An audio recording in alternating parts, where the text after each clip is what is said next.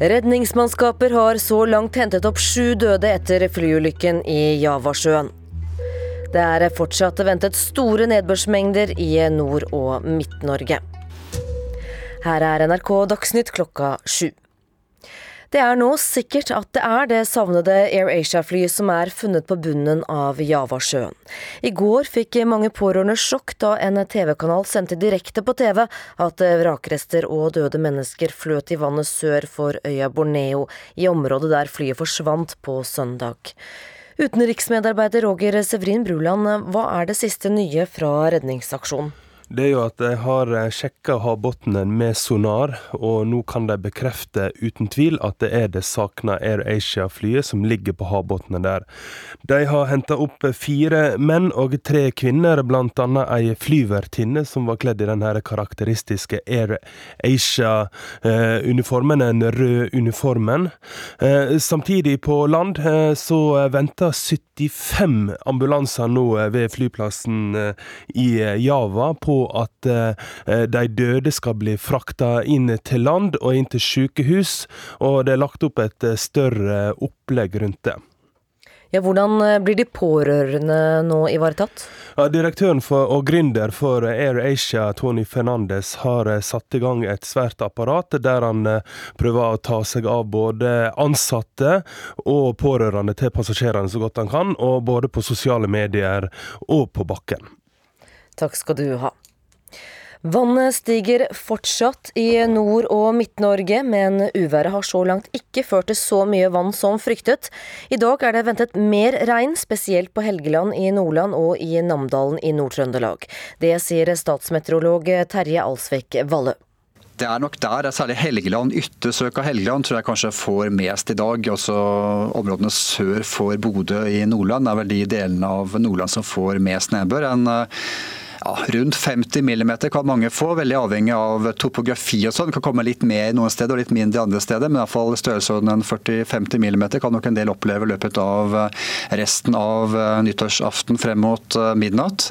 Og det meste vil komme antageligvis da frem mot tidlig ettermiddag, og så vil nedbøren avta etter det. Statsmeteorolog Terje Alsvik Valdø. Fyrverkeribransjen går trolig mot et rekordår. De to største importørene opplyser at det er rekordmye varer ute blant forhandlerne. De anslår en samlet omsetning på i overkant av 300 millioner kroner i år. Det var NRK Dagsnytt så langt på morgenkvisten. Mitt navn er Silje Katrine Bjørkøy.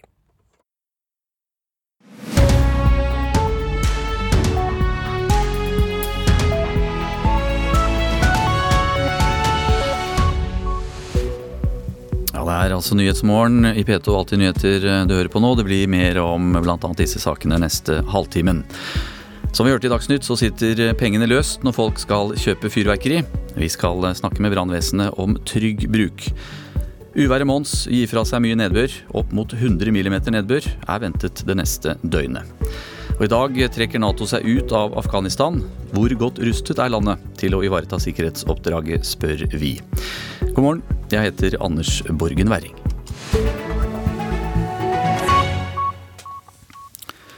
Ja, vi ligger altså an til å bruke rekordmye penger på fyrverkeri i år. De to største importørene, Svea Fireworks og Festival Fyrverkeri, melder om stor omsetning. Trolig blir den på i overkant av 300 millioner kroner. Eh, verste batteriet? Ja, det er vel en som heter The Ultimate Show. Da. Det er 77, 77 skudd, 1 kilo krutt. Den eh, stiger 70 meter opp i lufta og koster 14,99 da. Vi er på fyrverkeriutsalg hos G-Max. I stabler på rad står superbomber, Crazy Golden Rain og El Niño. Den går 60 meter opp i lufta. og Det er 1 kilo krutt. da. Og prisen på den er? 11,49. For fyrverkeribransjen er det årets to siste dager som er julaften og 17. mai på en gang. 70% av all omsetning skjer i løpet av disse to dagene. Og igjen ligger det an til ny rekord. Ja, det ser eh, veldig bra ut. Anders Sture er daglig leder for Svea Fireworks. Vi har aldri hatt ute såpass mye varer som vi har nå i år. Så du kan si at det ligger an til et rekordår? Ja, det kan jeg gjøre. Så de fleste kjøper faktisk et større effektbatteri, som i regel da står stadigere og eh, gir en veldig veldig fin show i ungefär 1-1,5 minutt. Også den største fyrverkeriimportøren, Festival Fyrverkeri, ligger svært godt an, ifølge daglig leder Bjørn Tore Bergman. Ja, sånn som det ser ut nå, og de rapportene vi får fra utsalgsstedene, så, så er det hyggelig fart i butikkene og, og mange glade kjøpere. Betyr det at det går mot ny rekord? Eh, vi har et håp om at vi skal ha en hyggelig økning i forhold til fjoråret. Det har vi. Hvor mye penger som faktisk går opp i røyk, blir først klart etter nyttårsaften. Svea anslår at omsetningen for hele bransjen blir på i overkant av 300 millioner kroner i år. Og ifølge G-Max er det fedrene som drar lasset. Vi kommer nok til å stå fire-fem stykker og bare sende ut fyrverkeri. Mange desperate fedre og sånn som vil ha fyrverkeri til den store dagen. Det er ingen mødre? Jo, det er det òg. Men de drar ofte ikke på så mye, da. Det er fedrene som er verst. Reporter her, det var eh, Fredrik Lauritzen. Ja, Brigadesjef Håvard Bakken i Oslo brann- og redningsetat. Eh, du har ikke med deg fyrverkeri, det skulle tatt seg ut i studio her. Men eh, du har med deg et par ting som er god forsikring for oss som er i nærheten. Hva er det du har med deg? Jeg har med vernebriller, og det er vernebriller både for uh, voksne og for barn. Uh, det er vel noe av det viktigste budskapet vi kan komme med i kveld, er at uh, alle som er i nærheten av fyrverkeri, bruker vernebriller. vi hørte i fjor, jeg tror samtlige de øyeskadene som ble rapportert i fjor, var ingen av de som hadde brukt vernebriller. Barn og vernebriller. Barn skal jo ikke sende opp fyrverkeri. Hvorfor skal de ha vernebriller på seg? De er nok gjerne tett på der det skytes opp, og det er vel kanskje my mye av det er i hvert fall for barna at vi sender opp. og Da bør de også ha eh, vernebriller, for disse fyrverkeriene kan også velte. og at eh, skuddene kommer i motsatt retning av det man først hadde tenkt. Så Derfor er det vernebriller som er både i størrelse for, eh, for voksne og for barn. Ja, har du noen eh, skrekkeksempler der eh, det har gått fryktelig galt? Ja da, Hvert eneste år så går går jo galt. Det er mange øyeskader hvert eneste år. Det vi har merka faktisk en bedring på etter innskjerping med pinnefyrverkeri, eh, det er jo ikke tillatt lenger i Norge. Selv om noen importerer sjøl fra Sverige, så er jo det forbudt. Eh, men det er betraktelig mindre bygningsbranner eh, etter at disse nye reglene ble innført. Og så er det lite snø flere steder i landet. Hva kan være risikoen med det? Det er klart For oss er det en stor fordel når det ligger eh, godt med snø på takene. For det er jo gjerne på takene en del av disse brannene starter. Enten på taket eller at det går opp i en gesimskasse eller et, eh, et takskjegg, og så får du en eh, brannutvikling der. Men tak, snø på taket det vil jo dempe faren for brann betraktelig. Nå er det jo ikke lov med, mm, med pinneraketter lenger i Norge, men er det noen type fyrverkeri man bør være ekstra forsiktig med? Altså, Fyrverkeri er sprengstoff. Det er eksplosiver, og det tror jeg ikke alle helt tenker over. De tenker at det er bare fest og moro, og det er bare å kjøre på. Og da kanskje kombinasjonen med økt alkoholinntak, så synker gjerne vettet, og man får uheldige episoder med, med fyrverkeri hvert eneste år. Så oppfordringa vår må være at eh, de eh, planlegger oppskytinga, at det står stødig, og at eh, de som er i nærheten har, har vernebilder. At man har en ansvarlig for fyrverkeri som ikke har smakt for mye på champagnen før midnatt. Og Så hørte vi innslaget her at det er, det er, menn, altså gutta, som driver og sender opp dette fyrverkeriet. Kvinner er ikke så interessert i det. Er dette her noe dere ser på skadestatistikken også? Ja da, det er nok en sånn uh, manne-guttegreie, dette her med fyrverkeri, av en eller annen uh, årsak. Uh, det er kanskje gutta som skal tøffe seg litt for jentene, som, som, gjør det. Jeg vet ikke helt bakgrunnen for det, men det, også, det, ser man også på, skade, på personskader. Så er det vel i all hovedsak menn som, som blir utsatt for disse øyeskadene. Og det skjer jo hvert eneste år. Det har jo vært snakket om eh, totalforbud, og at dette her skal skje i litt mer eh, ordentlige former. At brannvesenet f.eks. har ansvaret for å sende opp fyrverkeri på torg og møteplasser eh, i sentrum. Hvor står denne debatten i dag? Ja, Brannvesenet kommer nok aldri til å ta på seg jobben med å sende opp fyrverkeri. Men det er profesjonelle aktører her, og det er jo flere av byene i Norge. Annet i Oslo så er det to oppskytingssteder. Et nede hvis man står ved rådhuset eller oppe på Furuset, som er offentlig fyrverkeri betalt av kommunen hvor det er profesjonelle aktører som gjør det. Og man holder publikum på god avstand. Og de fyrverkene er mye, mye, større og flottere enn det du får kjøpt sjøl, så det er bedre å nyte det og på trygg avstand. Og så sparer man både de pengene og, man får et flott fyrverkeri. Selv om vi nå hører at omsetningen kanskje er større enn noen gang på fyrverkeri, så vi anbefaler at folk nyter heller det offentlige fyrverkeriet. Og det vet jeg mange byer i Norge som har eh, faste oppskytingssteder hvor det gjøres i trygge former. Ja, Skulle brannvesenet ønske at det var eh, forbudt for vanlige folk å sende opp? Ja, det ville nok vært eh, best for alle parter, tror jeg, hvis man hadde hatt eh, faste steder med profesjonelle folk som skyter opp, og så kan heller vi stå på litt avstand og nyte. og Da kan man også kose seg med champagnen eller hva man vil ha ved siden av og, og drikke rundt midnatt. Takk skal du ha, brigadesjef Håvard Bakken i Oslo brann- og redningsetat skal vi høre at vannivåene enkelte steder eh, i Nordland har vært opp mot tiårsflom i natt, men eh, det har ikke ført til eh, de store problemene. Det sier vakthavende ved NVE, Elin Langsholt. Vi så jo allerede i går at vannføringen begynte å stige pga. det kraftregnet og snøsmeltingen. Og de har, mange har fortsatt å stige nå utover natta. Noen er oppe i, i litt flomverdier, altså det er snakk om en kanskje tiårsflom. Eh, og kulminert igjen. Men det som er spennende nå, er jo å se hva som skjer videre når regnet setter inn på nytt. Det har ikke regnet mye i natt. Det har regna lite grann, men uh, utover dagen så vil vi jo få betydelig mye mer nedbør igjen. Og temperaturen vil stige og snøsmeltingen vil tilta igjen. Så da, da vil det nok stige ytterligere. Ja, Vannivåene enkelte steder i Nordland eh, har altså vært opp mot tiårsflom eh, i natt. Eh, men de store problemene har så langt uteblitt. Det kan også statsmeteorolog Terje Alsvik Valle bekrefte. Ja, Det blåser en del langs kysten, og så er det regnet som fortsetter å komme inn. så Det er særlig da Namdalen og nord mot Helgeland, ja, opp mot Bodø ca., hvor det regner en god del nå i morgentimene og formiddagstimene. Så det har fortsatt å regne, og det vil fortsette å regne en god del timer til. Så det er ikke over, men uh, i hvert fall ett døgn til må man regne med at det vil komme en god del regn i den delen av landet. Men Betyr dette at det har eh, kommet litt mindre nedbør eh, enn det man fryktet? Jeg tror man kan si at mengden har blitt litt mindre enn det man eh, så for seg for gårsdagen. I fall. Så var det vel sånn 20-40 millimeter for mange i løpet av tolv timer. Det er jo en god del nedbør, og det var jo mildt, sånn at det har jo skapt mye smelting også. Men antagelig litt mindre mengde enn det vi så for oss i går. Og I dag så snakker vi om mengde på en kanskje 50 millimeter en del steder, særlig da på Helgeland i Nordland, som kan få rundt 50 millimeter i løpet av den den dagen her. Så totalt sett så blir det jo store mengder i og med at det kommer regn over såpass lang tidsperiode. Ja, Du nevner Helgeland eh, i Nordland her og Namdalen eh, i Nord-Trøndelag. Hvor blir det verst?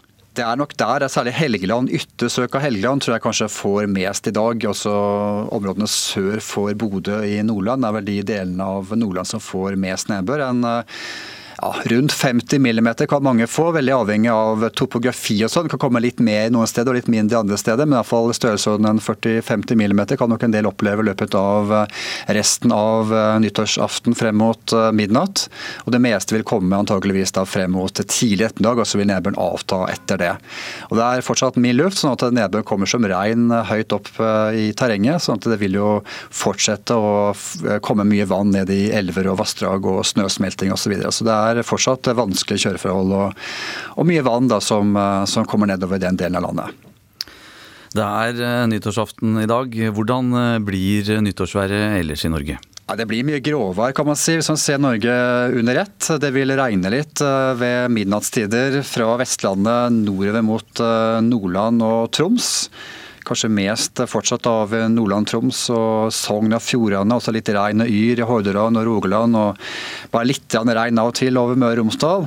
Og I Finnmark så blåser det mye nå til å begynne med. Opp i liten storm på kysten av Finnmark i løpet av morgentimene og formiddagstimene. Men her skal vinden heldigvis roe seg ned når vi kommer frem til eh, selve nyttårskvelden. Og Best vær uh, nyttårskvelden vil nok områdene på Sørlandet og Telemark og deler av Østlandet få, med oppholdsår iallfall. Men her er det en viss mulighet for at det kan dannes noe tåke. Særlig nær Oslofjorden så er det nok en viss mulighet for tåke i, i kveldstimene. Jeg kan håpe at det holder seg unna, men derfor er det en viss mulighet for tåke i den delen av landet. Hvis vi skal eh, oppsummere væråret 2014 eh, kort til slutt, eh, Valle. Mm, det ble et varmt år? Det gjorde det. Det er jo rekordvarmt faktisk for Norge som helhet. Hvis man tar snittemperatur for hele Norge for hele året, så har det jo vært et rekordvarmt år. Mye sønnavind og egentlig mye bra vær også da, dette året her. Særlig sommeren var jo fin, og våren kom tidlig og vinteren var mild osv. Så, videre. så det har vært et, et uvanlig varmt år i, i Norge denne gangen her. Ja, det sa statsmeteorolog Terje Alsvik Valdø. Ja, det er Nyhetsmorgen eh, du hører på. Dette er eh, hovedsakene våre i dag. Det er nå sikkert at det er det savnede Air Asia-flyet som er funnet på bunnen av eh, Javasjøen. Folk bruker penger på fyrverkeri som aldri før. Brannvesenet advarer mot skader. Og uværet Mons gir fra seg mye nedbør, som vi hørte. Opp mot 100 mm nedbør er ventet det neste døgnet.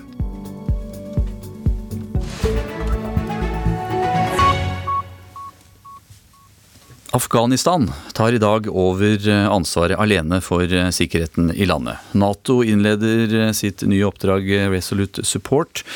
Rundt 12 000 soldater skal gi opplæring og råd til afghanske styrkene framover nå. Torunn eh, Wimpelmann, eh, du er forsker ved Christian Michelsens eh, institutt. Du jobber i Kabul. Nå er du med på Skype fra London. Hvor godt rustet er Afghanistan til å klare sikkerhetsoppdraget selv? Um, nei, Det um, afghanerne sjøl vil hevde, og særlig da, sikkerhetsstyrkene, det er at det største utfordringen de har, det er luftstøtte. For luftvåpen har jo vært en veldig viktig del av krigføringen for de utenlandske styrkene. Eh, de har kunnet benyttet seg av eh, bombefly eh, når de har hatt problemer og har blitt havnet i bakhold osv. De har kunnet også benyttet seg av, av droner og bombefly for, å, for, offensive operasjoner. Og dette har jo ikke afghanske styrker i samme grad mulighet, vil ha muligheter til. Så I fjor, for eksempel, eller året som gikk nå, så, så, så spurte afghanske styrker om luftstøtte i 400 tilfeller. men de de fikk det bare i, i 30. Eh, så de vil jo da ha høy, mye høyere tapstall. og Bare i året som gikk, så mistet afghanske styrker 5000 eh, menn, eller personell. Eh, så det er kanskje det som, som, som er den viktigste forskjellen. Og så har de da utfordringer når det gjelder etterretning og logistikk. Aner jeg at du er litt skeptisk her til hvordan framtida ser ut for Afghanistan? Det er veldig vanskelig å si. Um, det kommer, det kommer an på hvordan konflikten utvikler seg. Um, det er vel ingen som tror at Afghanistan uh, vil bli uh, tatt over av Taliban. Uh, men det som kan komme til å skje, er jo at, at hvis man ikke får en politisk løsning på konflikten, så vil jo ting bli ganske om mulig enda mer ustabilt. Og hvis den politiske situasjonen kan komme til at man får en en, nå har man jo en slags samlingsregjering som ikke foreløpig har, har uh, kunnet oppnevne en regjering. Uh, det er en viss fare for at, at, man på en måte får en politisk disintegrasjon, og så, så blir det vanskelig å, å få sikkerheten uh, veldig mye bedret. Ja, Hva må til for at afghanerne skal klare seg selv? Nei, altså nå har det jo vært en, en stor internasjonal operasjon de siste årene. Altså man hadde jo På det største så hadde man 150 000 utenlandske styrker. Uh, så det er vel, uh, Hvis de ikke klarte å, å på en måte slå Taliban militært, så er det vel ikke så mange som tror at uh, afghanske styrker vil være i stand til å, til å gjøre det som veldig mye bedre. Sånn man har jo selvfølgelig Byene er det, jo, er det jo regjeringen som har kontroll over. Men hvis man skal få en, en bedring i sikkerhetssituasjonen, så er det vel at man håper på at det skal bli en politisk løsning på konflikten. og Der har de ikke gjort så mye fremskritt foreløpig iallfall. Det er jo sånn at du selv eh, bor i eh, Kabul. Eh, hvordan vil du beskrive å bo der? Nei, altså det har, jo, det har jo gått greit, men det var noe spesielt i november-desember at det var en veldig urolig periode. Med bomber og, og angrep nesten hver dag. Og det er jo klart at folk blir urolige. Og du vet jo aldri hvor disse angrepene vil skje. Jeg tror det, altså det er ikke det at folk, folk er selvfølgelig også redd for sikkerhetssituasjonen, men det, jeg tror det er blandet med en mer sånn generell frykt for fremtiden. At man, man, kan liksom ikke se at dette skal bli bedre. og Man er redd for at en eller annen gang så skal landet bare komme tilbake til den borgerkrigen man hadde på 90-tallet. Um, og det som man også så nå den siste perioden, det var så mye angrep, det var jo at det var, det var nye angrep. Sant? Det var uh, et absurd angrep på teaterforestilling om selvmordsbombere. Så var det den selvmordsbomber som hadde sneket seg inn uh, blant publikum og, og satt av en selvmordsbombe i teatersalen. Det er sånne ting som, som, gjør at man føler at det er liksom ingen steder som er, som er trygge. Takk skal du ha, Torunn Wimpelmann, som altså er forsker ved Christian Michelsens institutt, eh, og som jobber i eh, Kabul. Vi får se hvordan eh, framtida ser ut for Afghanistan. Nå skal de altså da klare seg selv når det gjelder å ta vare på sikkerhetsoppdraget.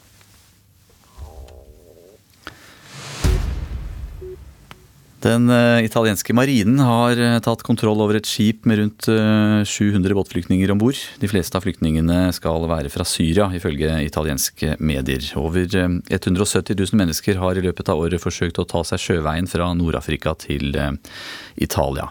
Bare i romjula er 2300 båtflyktninger plukket opp. Et eh, resolusjonsutkast med krav om israelsk tilbaketrekking fra de okkuperte palestinske områdene innen to år ble nedstemt i Sikkerhetsrådet. USA og Australia var alene om å stemme mot, mens eh, Frankrike, Russland, Kina, Argentina, Tsjad, Chile, Jordan og Luxembourg stemte for. USA gjorde det på forhånd klart at landet om nødvendig ville bruke vetoretten for å stanse eh, resolusjonen. Igjen så diskuterer amerikanerne sine liberale våpenlover.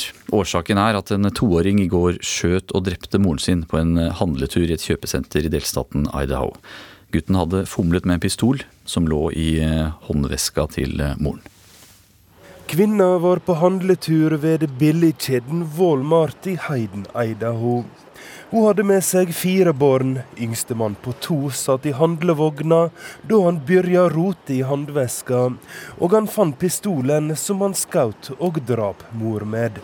Ei tragisk hending, forteller den lokale sheriffen. All the precautionary measures weren't taken to ensure the safety of that.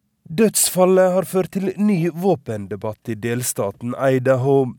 Men spørsmålet er ikke om det er riktig å gå med skjulte våpen på kjøpesenter, forteller journalist Peg Etterton til BBC. It's an area of the country which is very friendly to um, men om foreldre og barn får nok utdanning om hvordan en skal håndtere skytevåpen. Things like education for parents and education for other people who may own guns and be around kids.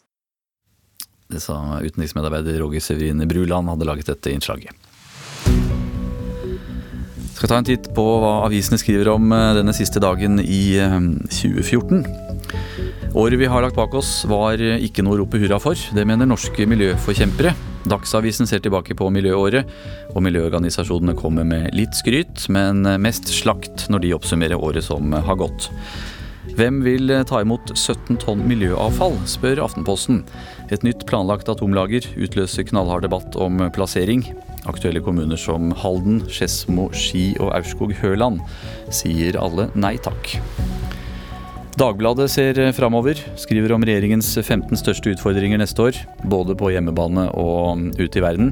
Bl.a. skal eh, fagbevegelsen streike på nyåret. Den økonomiske usikkerheten er stor. Kampen mot eh, IS-terror og konflikten mellom Russland og Ukraina kommer til å prege det nye året. Også Klassekampen vurderer regjeringens utfordringer i 2015, eh, og mener den kommer til å slite på meningsmålingene. Det går i det samme sporet i VG. Avisa intervjuer statsminister Erna Solberg om året som har gått. Hun kommer bl.a. med en innrømmelse. Jeg gir opp for lett, sier eh, statsministeren i eh, nyttårsintervjuet. Stadig flere gjør som rikingen Trond Moen, står det å lese i Vårt Land. Moen deler ut mye penger til gode formål, og en forsker spår at enda flere kommer til å gjøre som ham i eh, året som kommer. Trond Moen inspirerer til giverglede, mener en sosiolog. Etter flere år med nedleggelser opplever eh, slaktebutikker bedre tider. Forbrukerne setter i større grad pris på hva vi tilbyr, sier bransjen til eh, Nasjonen. Og Dagens Næringsliv fokuserer på velferdsordningen i dag, og hvor dyre de kommer til å bli framover. Avisa har regnet ut at de som blir født i dag, må jobbe nesten én time mer enn foreldrene hver dag hvis de skal eh, finansiere dagens velferdsordninger når de blir store.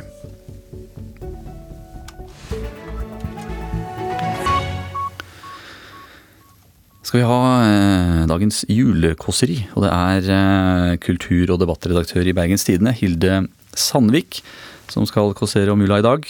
Den har eh, endret seg fra å handle til å kjøpe. Jula lukta nymalt da jeg var barn. Da jeg kom ned i stova, så var det en vegg som var blitt ny, lister som var på plass, og kanskje hadde jeg fått et nytt rom. Og det var ikke det at det ikke var gjort noe ellers i året. Far min arbeider med tømmer. Det eneste punktet der Jesus og jeg har noe felles. Far lafta med bror sin, hogde og dreiv sagbruk. Av og til bygde han. Og jeg hadde en drøm om at han en dag skulle bygge dokkehus jeg hadde lagt klart til han fra et gjør det selv-blad. Et gult hus med hvite lister i tre etasjer som en kunne åpne. Sjøl hadde jeg kommet hjem fra skolen med ei trefjøl å legge ost på, stearinlys, kranser og kråterlefse bakt under oppsyn av gamle Sønnevar på Tveit. Jeg kjevla ut sirupsnipper, kokte knekk, skar ned kristtorn, drog heim trerøter, og så var det jul, og en kunne kjenne i hendene alt en hadde gjort. For jula var ikke å kjøpe, men å handle. Mer enn noe annet høgtid var jula konkret og praktisk, den setter seg i kroppen slik fysiske minner gjør det. Ordet nostalgi er sett sammen av greske nostos, heimkomst, og algos, lengsel. Over jula hviler en tung nostalgi knytt til det fysiske i gjæremålet heime. Vi går over sjø og land, vasker gulv, ber ved, klapper i hendene og snurrer oss omkring. Sov gjør vi så når vi ruller vårt tøy. Rulle vårt tøy. I nostalgien ligger ei påmenning om hva hendene våre har vært i stand til. For jula er de praktiske gjøremålas feiring i ei digital tid der mange barn vokser opp uten håndskrift. Vi er blitt mindre praktiske, har dårligere minne og er mindre empatiske, mens Moser-paret vant nobelprisen for å ha funnet fram til cellene i rottehjernen som styrer hvordan en orienterer seg i rom, syner det seg at vi aldri har vært så lite flinke til å navigere av oss sjøl uten hjelp. At vi er mindre fysiske i møte med verden, endrer hjernen, hevder etter hvert flere forskningsmiljø. I sommer vekte New York Times oppsikt da avisa presenterte nye studier som syner at både barn og studenter lærer mer og er mer kreative om en skriver hånd enn på et tastatur. Muskelminne, rørselen når vi flytter en blyant, er direkte kobla til evnen til å stave. For far min var det dobbelt. Han, praktikeren, var skeivhendt, men fikk ikke lov til å skrive med den galne hånda. Slik eh, snakka han den gangen på 40-tallet. Han utvikla derfor begge hendene i arbeid. Noen oppgaver med høyrehånda, andre oppgaver med venstre. Øynene forteller hva han skal gjøre, og hendene er kloke. Nå er mye av kunnskapen som er i hendene hans i ferd med å forsvinne fra vårt felles minne. Lafting, bærekonstruksjon som var dominerende måte å bygge trehus på i Norge fra vikingtida, er musealt. Håndverkere henter vi fra Øst-Europa. Det siste året tykkes det likevel som det sakte er i ferd med å gå opp for oss hva vi taper når hendene våre ikke lenger meistrer håndverk vi før kjente til fingerspissene. Hjernen vår er i ferd med å gi beskjed om hva som skjer hvis hendene våre blir mindre kloke, hvordan det kan føre til at vi velger mer ineffektive og kostbare måter å løse viktige samfunnsoppgaver på, for teori og praksis henger sammen. Du ser nå vel det, kan far si utålmodig når han synes det går for streikt med å løse praktiske oppgaver, og da ser jeg på han og sier nei, jeg ser ikke det. Men far, fremdeles drømmer jeg om det gule huset når det lukter nymalt og pinnekjøtt og finner du meg ikke de neste dagene, så kan det være at jeg står nede i kjelleren og lager det sjøl. Det er uh, Ingvild Ryssdal som er produsent for Nyhetsmorgen i dag. Jeg heter uh, Anders Borgen Werring. Nå er Silje Katrine Bjarkøy klar med siste nytt. Straks.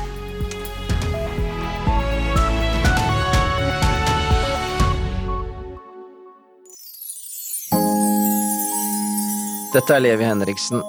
I Jul i P2 i dag har jeg lyst til å ta dere med på en lang, lang kjøretur i den gule bobla mi.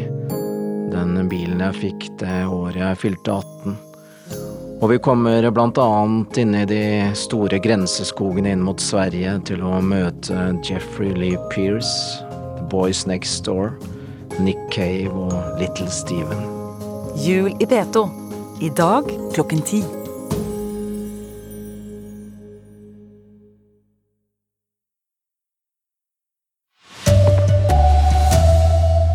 Rakettsalget til himmels i år. Brannvesenet advarer om skader.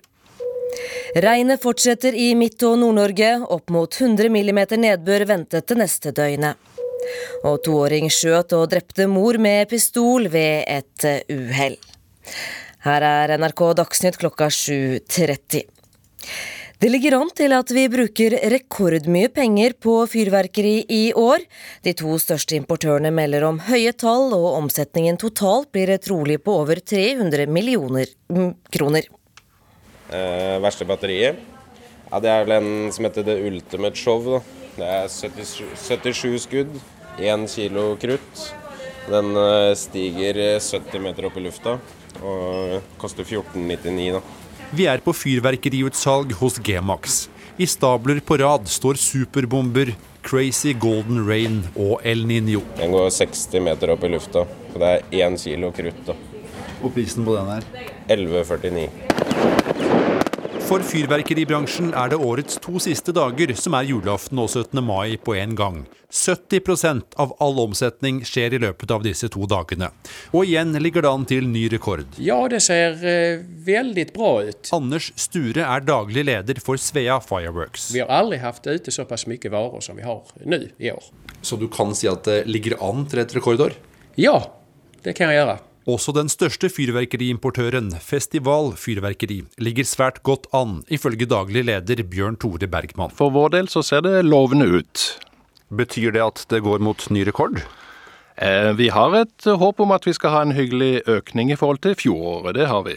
Hvor mye penger som faktisk går opp i røyk, blir først klart etter nyttårsaften. Svea anslår at omsetningen for hele bransjen blir på i overkant av 300 millioner kroner i år. Og ifølge G-Max er det fedrene som drar lasset. Mange desperate fedre og sånn som vil ha fyrverkeri til den store dagen. Det er ingen mødre? Jo, det er det jo. Men de drar ofte ikke på så mye, da. Det er fedrene som er verst. Reporter her var Fredrik Lauritzen. Og det er også mennene som er verstingene når det gjelder skader. Det sier brigadesjef Håvard Bakken i Oslo brann- og redningsetat. Vi ser det fra år til år, at det er eh, mennene som er overrepresentert der av en eller annen grunn. Årsaken til det vet ikke jeg helt, men eh, det er mennene som er mest utsatt for, eh, for skader. Du har med deg noe som alle bør ha når de bruker fyrverkeri. Hvordan skal en bruke fyrverkeri trygt og sikkert? Det er to ting vi oppfordrer til i dag. Det er at folk bruker vernebriller, og at de som har ansvar, ansvaret for fyrverkeri, er edru når de sender opp. Dette er sprengstoff. Det er eksplosiver, og det må man også tenke litt på når man driver og tenner på dette her. Ja, og du har med vernebriller i to størrelser. Ja da, det er vernebriller både for, for de voksne og for barna. Barna skal ikke sende opp fyrverkeri, men de er gjerne i nærheten av der det skytes opp, og de bør absolutt ha briller. Plutselig så velter et, et sånt batteri, og så kan disse kulene komme ut i, i horisontal retning, og da bør man ha vernebriller på alle de som er rundt der. Det er også flere steder hvor det er lite snø. Hva skal man tenke på da i dag?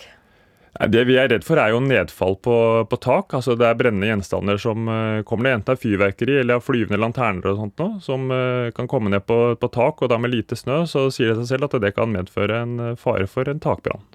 Hva er det viktigste man skal tenke på i dag når man skyter opp fyrverkeri? Jeg tror Det beste og viktigste rådet vi gir, det er dette med vernebriller. Det er akkurat på lik linje med en røykvarsler. Det er noen av den billigste livsforsikringa du kan få. Og Når man i tillegg da har en ansvarlig som er edru, så håper vi at dette skal bli en trygg og fin aften for alle sammen. Ja, For dette med alkohol er et poeng? Alkohol er absolutt et uh, viktig poeng. Uh, man ser jo gjerne at de skadene, øyeskadene som kommer inn på legevaktene rundt omkring uh, i landet i løpet av natta, det er folk som har inntatt alkohol. Og samtlige av de øyeskadene som var i fjor, var det ingen som hadde vernebriller. Det er store forskjeller på fyrverkeri også. Hva slags fyrverkeri bør vi være ekstra forsiktige med? Altså, Det fyrverkeri som selges i Norge er godkjent. Eh, det som ikke er lovlig, og heller ikke lov å importere, da, det er bl.a. pinnefyrverkeri. Det selges fortsatt i Sverige, men det er ikke lov til verken importere eller å sende opp i Norge. Så det må folk holde seg unna. Bør egentlig alt fyrverkeri forbys? Ja, vår, eh, vårt største ønske er jo hvis dette kunne blitt offentlige fyrverkerier eh, overalt, og at det private salget ikke hadde vært der. Så hadde vi spart mange øyne, og vi også hindra en del branner. For disse offentlige oppskytingsstedene det er steder som er egna for det, og hvor man eh, kan gjøre dette på en trygg måte. Brigadesjef Håvard Bakken i Oslo brann- og redningsetat. Det er eh, fortsatt ventet mye nedbør og stor vannføring i elvene, særlig på Helgeland i dag. Men uværet Mons ble ikke så voldsomt som mange hadde fryktet. Statsmeteorolog Terje Alsvik Vallø sier at det vil fortsette å regne kraftig. Ja, Det blåser en del langs kysten, og så er det regnet som eh, fortsetter å komme inn. Så det er særlig da Namdalen og nord mot uh, Helgeland, ja, opp mot Bodø ca., hvor det regner en god del nå i morgentimene og formiddagstimene. Så det har fortsatt å regne, og det vil fortsette å regne en god del timer til. Så det er ikke over, men uh, i hvert fall ett døgn til må man regne med at det vil komme en god del regn i den delen av landet. Og Det meste vil komme antageligvis da frem mot tidlig ettermiddag, og så vil nedbøren avta etter det. Og Det er fortsatt mild luft, sånn at nedbøren kommer som regn høyt opp uh, i terrenget. sånn at det vil jo fortsette å komme mye vann ned i elver og vassdrag og snøsmelting osv. Så, videre. så det er fortsatt vanskelige kjøreforhold og, og mye vann da som, som kommer nedover den delen av landet landet. Norges vassdrags- og energidirektorat, NVE, har målt flom flere steder i Nord-Trøndelag og Nordland i natt, og vannføringen steg utover natta. Nå fortsetter det å regne kraftig på Helgeland, og NVE er også redd for at isgang i elvene kan føre til problemer, sier vakthavende hydrolog Elin Langsholt. Det har gått noen isganger her og der. Det ser ikke ut til å ha vært noe kritisk i forbindelse med det, men Eh, det er jo en av de tingene vi har vært bekymra for. Da. Det at det har ligget is i vassdragene som, som vil løs, løsne opp og reise nedover når vannføringen stiger. Reporter Arne Egil Tønseth. Indonesiske letemannskaper mener de har funnet det savnede flyet fra AirAsia på havbunnen. Et sonarbilde fra området der det ble funnet vrakrester og omkomne i går, viser en mørk gjenstand på havbunnen med form som et fly. Redningsmannskaper har så langt funnet sju døde etter flyulykken i Javasjøen. Flyet var på vei til Singapore fra Indonesia da det forsvant sporløst søndag morgen. 162 personer var om bord da flyet styrtet. I USA diskuterer amerikanerne igjen de liberale våpenlovene.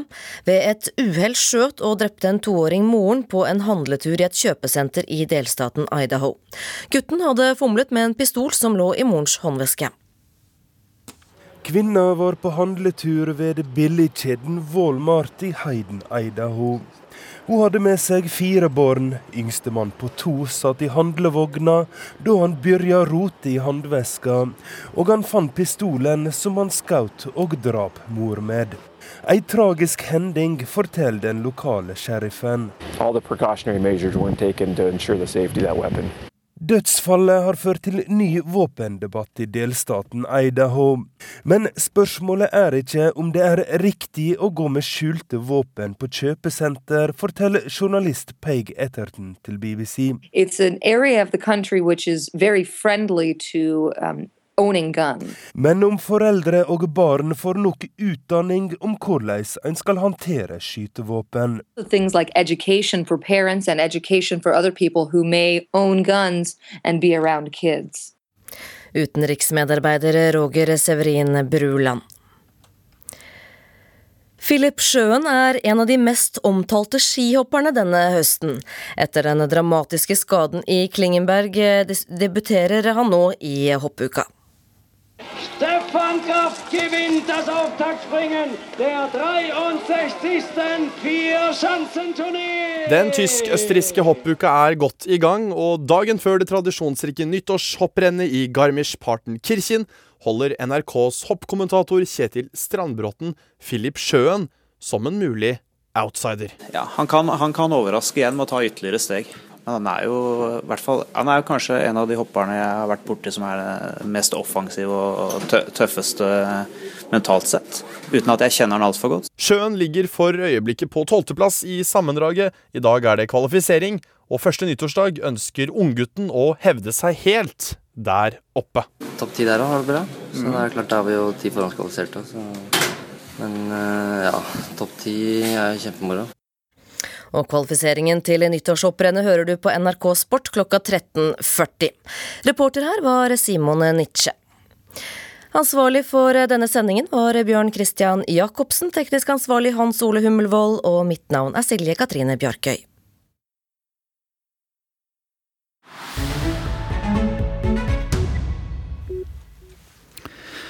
Skal vi høre at uh, Tysklands verdenskjente energisatsing, de energivende, Energiewende, er i dyp krise. Utslippene av uh, klimagasser fortsetter å stige. Og skyhøye strømpriser skaper raseri blant forbrukerne.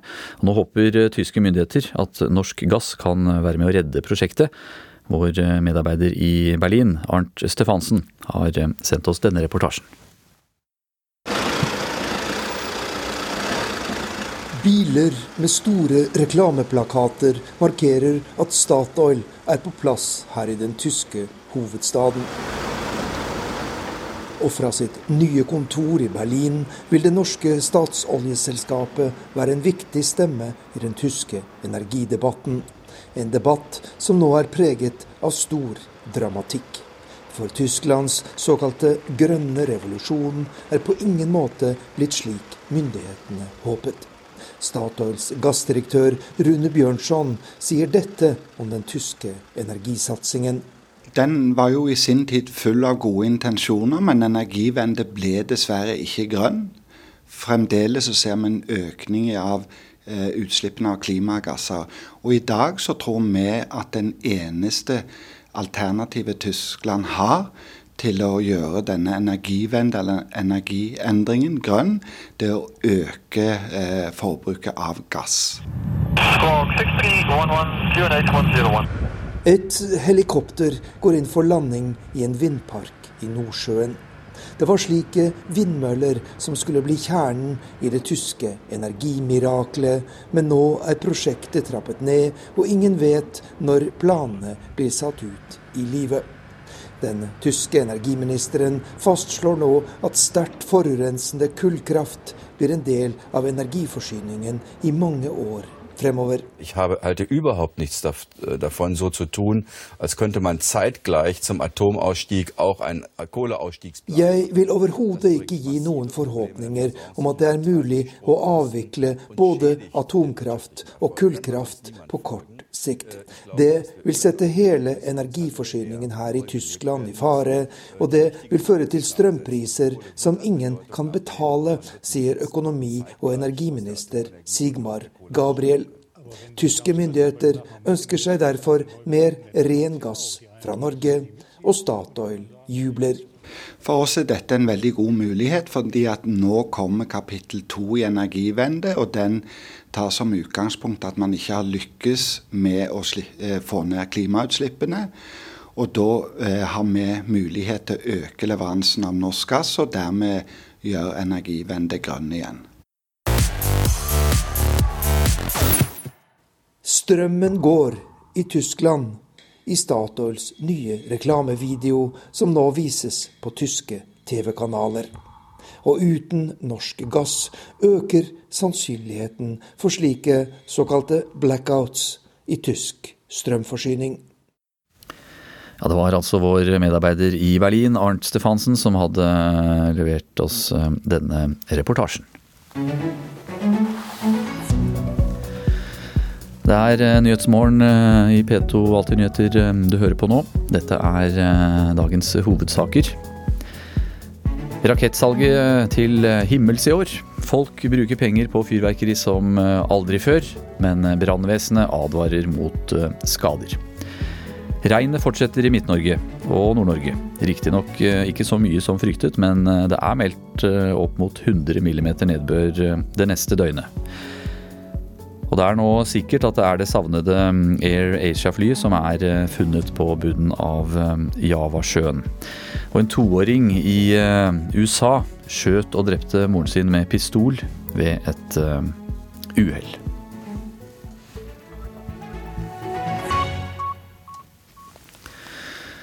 I dag, på eh, årets eh, siste dag, så skal vi mm, oppsummere det politiske året 2014 med en politisk eh, kavalkade. Og det gjør vi ved programleder Bjørn Myklebust.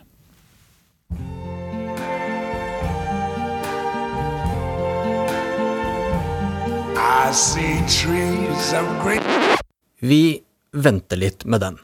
En kavalkade kan jo ikke begynne der. Vi lover en happy end, men den blir jo så mye sterkere hvis vi dveler litt med det vanskelige først. Vet du hva, Jeg bryr meg veldig lite om ting bak. Er det én ting jeg har en god evne til, så er det å legge ting bak meg, og så gå videre. Erna Solberg dveler ikke, og utdyper her fra et annet intervju. Jeg vet at jeg har utviklet en av de beste egenskapene jeg mener jeg har, og det er evnen til å legge ting bak meg og fortrenge det. Og Derfor gidder jeg aldri å se så mye tilbake på hva vi har gjort feil. Da må vi stole på at hun har glemt deler av 2014 nå, men året er jo en fortelling om fire venner. For meg var ikke statsbudsjettet noe høydepunkt. Når Venstre prøver å legge skylda på finansminister og regjering i forhold til å fremme eh, litt eh, latterlige avgiftsøkninger. Og man eh, da egentlig vel ønsker å få til en budsjettavtale med et såkalt tulleparti, så, så var jeg litt overrasket. Du blir en veldig dårlig leder hvis fokuset ditt alltid er på historien og ikke fremover. Ja, men det blir en dårlig kavalkade hvis vi følger retningslinjene for gode ledere. 2014 er også fortellinger om en annen leder i bevegelse. Altså, jeg har ikke tenkt å være i politikken og si at den siste tanken er tenkt. All kunnskapen har vi om bord. Erna og Jonas, 2014 dreide seg mye om dem. Kanskje for mye? Synes du forfatteren går over streken? Jeg har ingen kommentarer til selve boken. her. Altså. Det kommer en bok om deg neste uke også. Tror du at fokuset på din kropp vil være like stort der? Det, det vet jeg ikke. Men det har vært fokus på om Støre lignet veldig på en annen mann. God dag, Stoltenberg. God dag, Støre. Gratulerer med innstillingen. Nato i byen. Ja. Takk skal du ha. Ja, ja. ja, det er flott. Her står vi og kan ikke annet. Nei. Vi er på vei. Ja, det er det. Stoltenberg og Støre fører en samtale, så naturlig som en samtale kan være, med kameraer og mikrofoner en halv meter unna.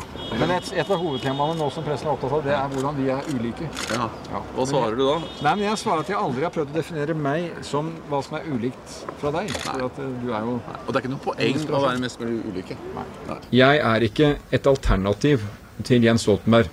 Jeg er meg selv. Morna Jens, han gikk til Nato.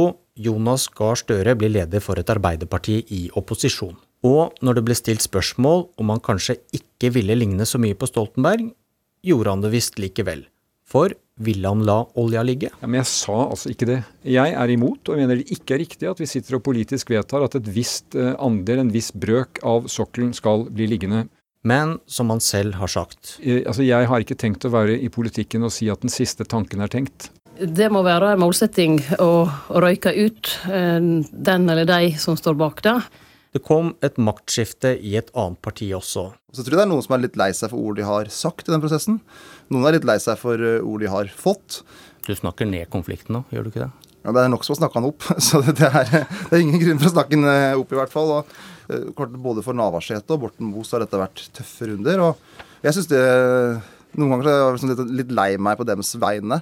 At de skulle liksom få så harde ord. For jeg mener at det har vært ufortjent for begge. Det, jeg har aldri opplevd at Ola Borten Moe har vært illojal mot meg. Sa han som skulle bli leder. Og etter at røyken hadde lagt seg, var Navarsete ute og Tusen takk for uh, ny tillit. Så er det eh, mange som stiller seg sjøl spørsmålet kommer man til å komme over det her, kommer splittelser til å vare ved. Jeg håper og jeg tror og jeg er helt sikker på at det gjør den ikke. Og kanskje Senterpartiets nye leder, Trygve Slagsvold Vedum, har plukket opp et triks eller to fra Ernas lederskole. For det meste er bare litt støy der og da, og betyr egentlig ingenting. Vet du hva, jeg bryr meg veldig lite om ting bak. Og igjen, da har hun nok også glemt denne. Det var mange damer som sist gikk i 8. mars-tog for selvbestemt abort på 70-tallet, som var her i dag sammen med døtre og barnebarn. Nå er de imot regjeringens forslag om at fastleger skal kunne nekte å henvise kvinner til abort. Fritt valg! Fritt! Reservasjonsretten har mobilisert kvinner som aldri har gått i tog før. Og det sies Hvorfor kommer dere først nå? Ja, Det er vel litt at villdyret våkner. da. At vi som satt i vogna før, eh, på 80-tallet, vi våkner igjen og sier til eh, regjeringen at det er ikke lov å tukle med en lov på den måten. Og statsminister Erna Solberg svarer de tusener i gatene i dag med å kalle massemønstringen deres for spesiell. Jeg hadde håpet at vi hadde hatt en kjempestor demonstrasjon mot vold mot kvinner og barn. Kjempestor demonstrasjon for at kvinner fikk utdanning i tredje verden. Eh, alle de viktige, store likestillingssakene. For dette må jeg si, det skjønner jeg ikke at det er blitt en stor likestillingssak. Før vi begynner å si det, så skal vi faktisk gjøre noe som er veldig viktig, nemlig signere avtalen. Så sto de igjen og skrev under, et halvt år etter at de signerte på at fastleger skal kunne reservere seg mot å vise til abort. Tusen takk. Veldig bra. Etter et halvt år med voldsom debatt. Dette engasjementet var årsaken til at vi for en tid tilbake satte oss eh, ned for å finne en ny løsning. Så er det etter mitt syn grunn til å være naturlig skeptisk til Høie og KrF i dette spørsmålet. De har skapt unødvendig mye uh, utrygghet og uh, debatt om en vanskelig sak for norske kvinner gjennom hele vinteren. Og Derfor skal vi nå studere forslaget nøye, for å se om det er noen ting som ikke er bra. Er det én ting jeg har en god evne til, så er det å legge ting bak meg, og så gå videre. Jeg var en utrolig heldig jente som eh, fikk tatt Dalai Lama i hånden. Og ser jeg, jeg, ser på han som dagtidens Jesus. Dette er en utrolig helt, og det er utrolig jeg, at, Norge tør uh, også ikke møte han. Det vi må tenke gjennom er hva hvis andre land fulgte Norges eksempel og gjorde det samme som vi gjør nå? Hvis andre òg slutter å møte Dalai Lama, hvilken effekt har det på situasjonen for menneskerettigheter i Tibet og Kina? Hvis Norge skal faktisk gjøre det jeg opplever veldig mange i norsk politikk har ambisjoner om, og veldig mange mennesker i sivilt samfunn i Norge forteller meg er viktig, nemlig snakke og få inngrep i menneskerettigheter, i utviklingen i de fattige landene, sørge for at klimaforhandlingene går videre, ja, da må vi også ha dialog med verdens største land. Og da har jeg sagt er det et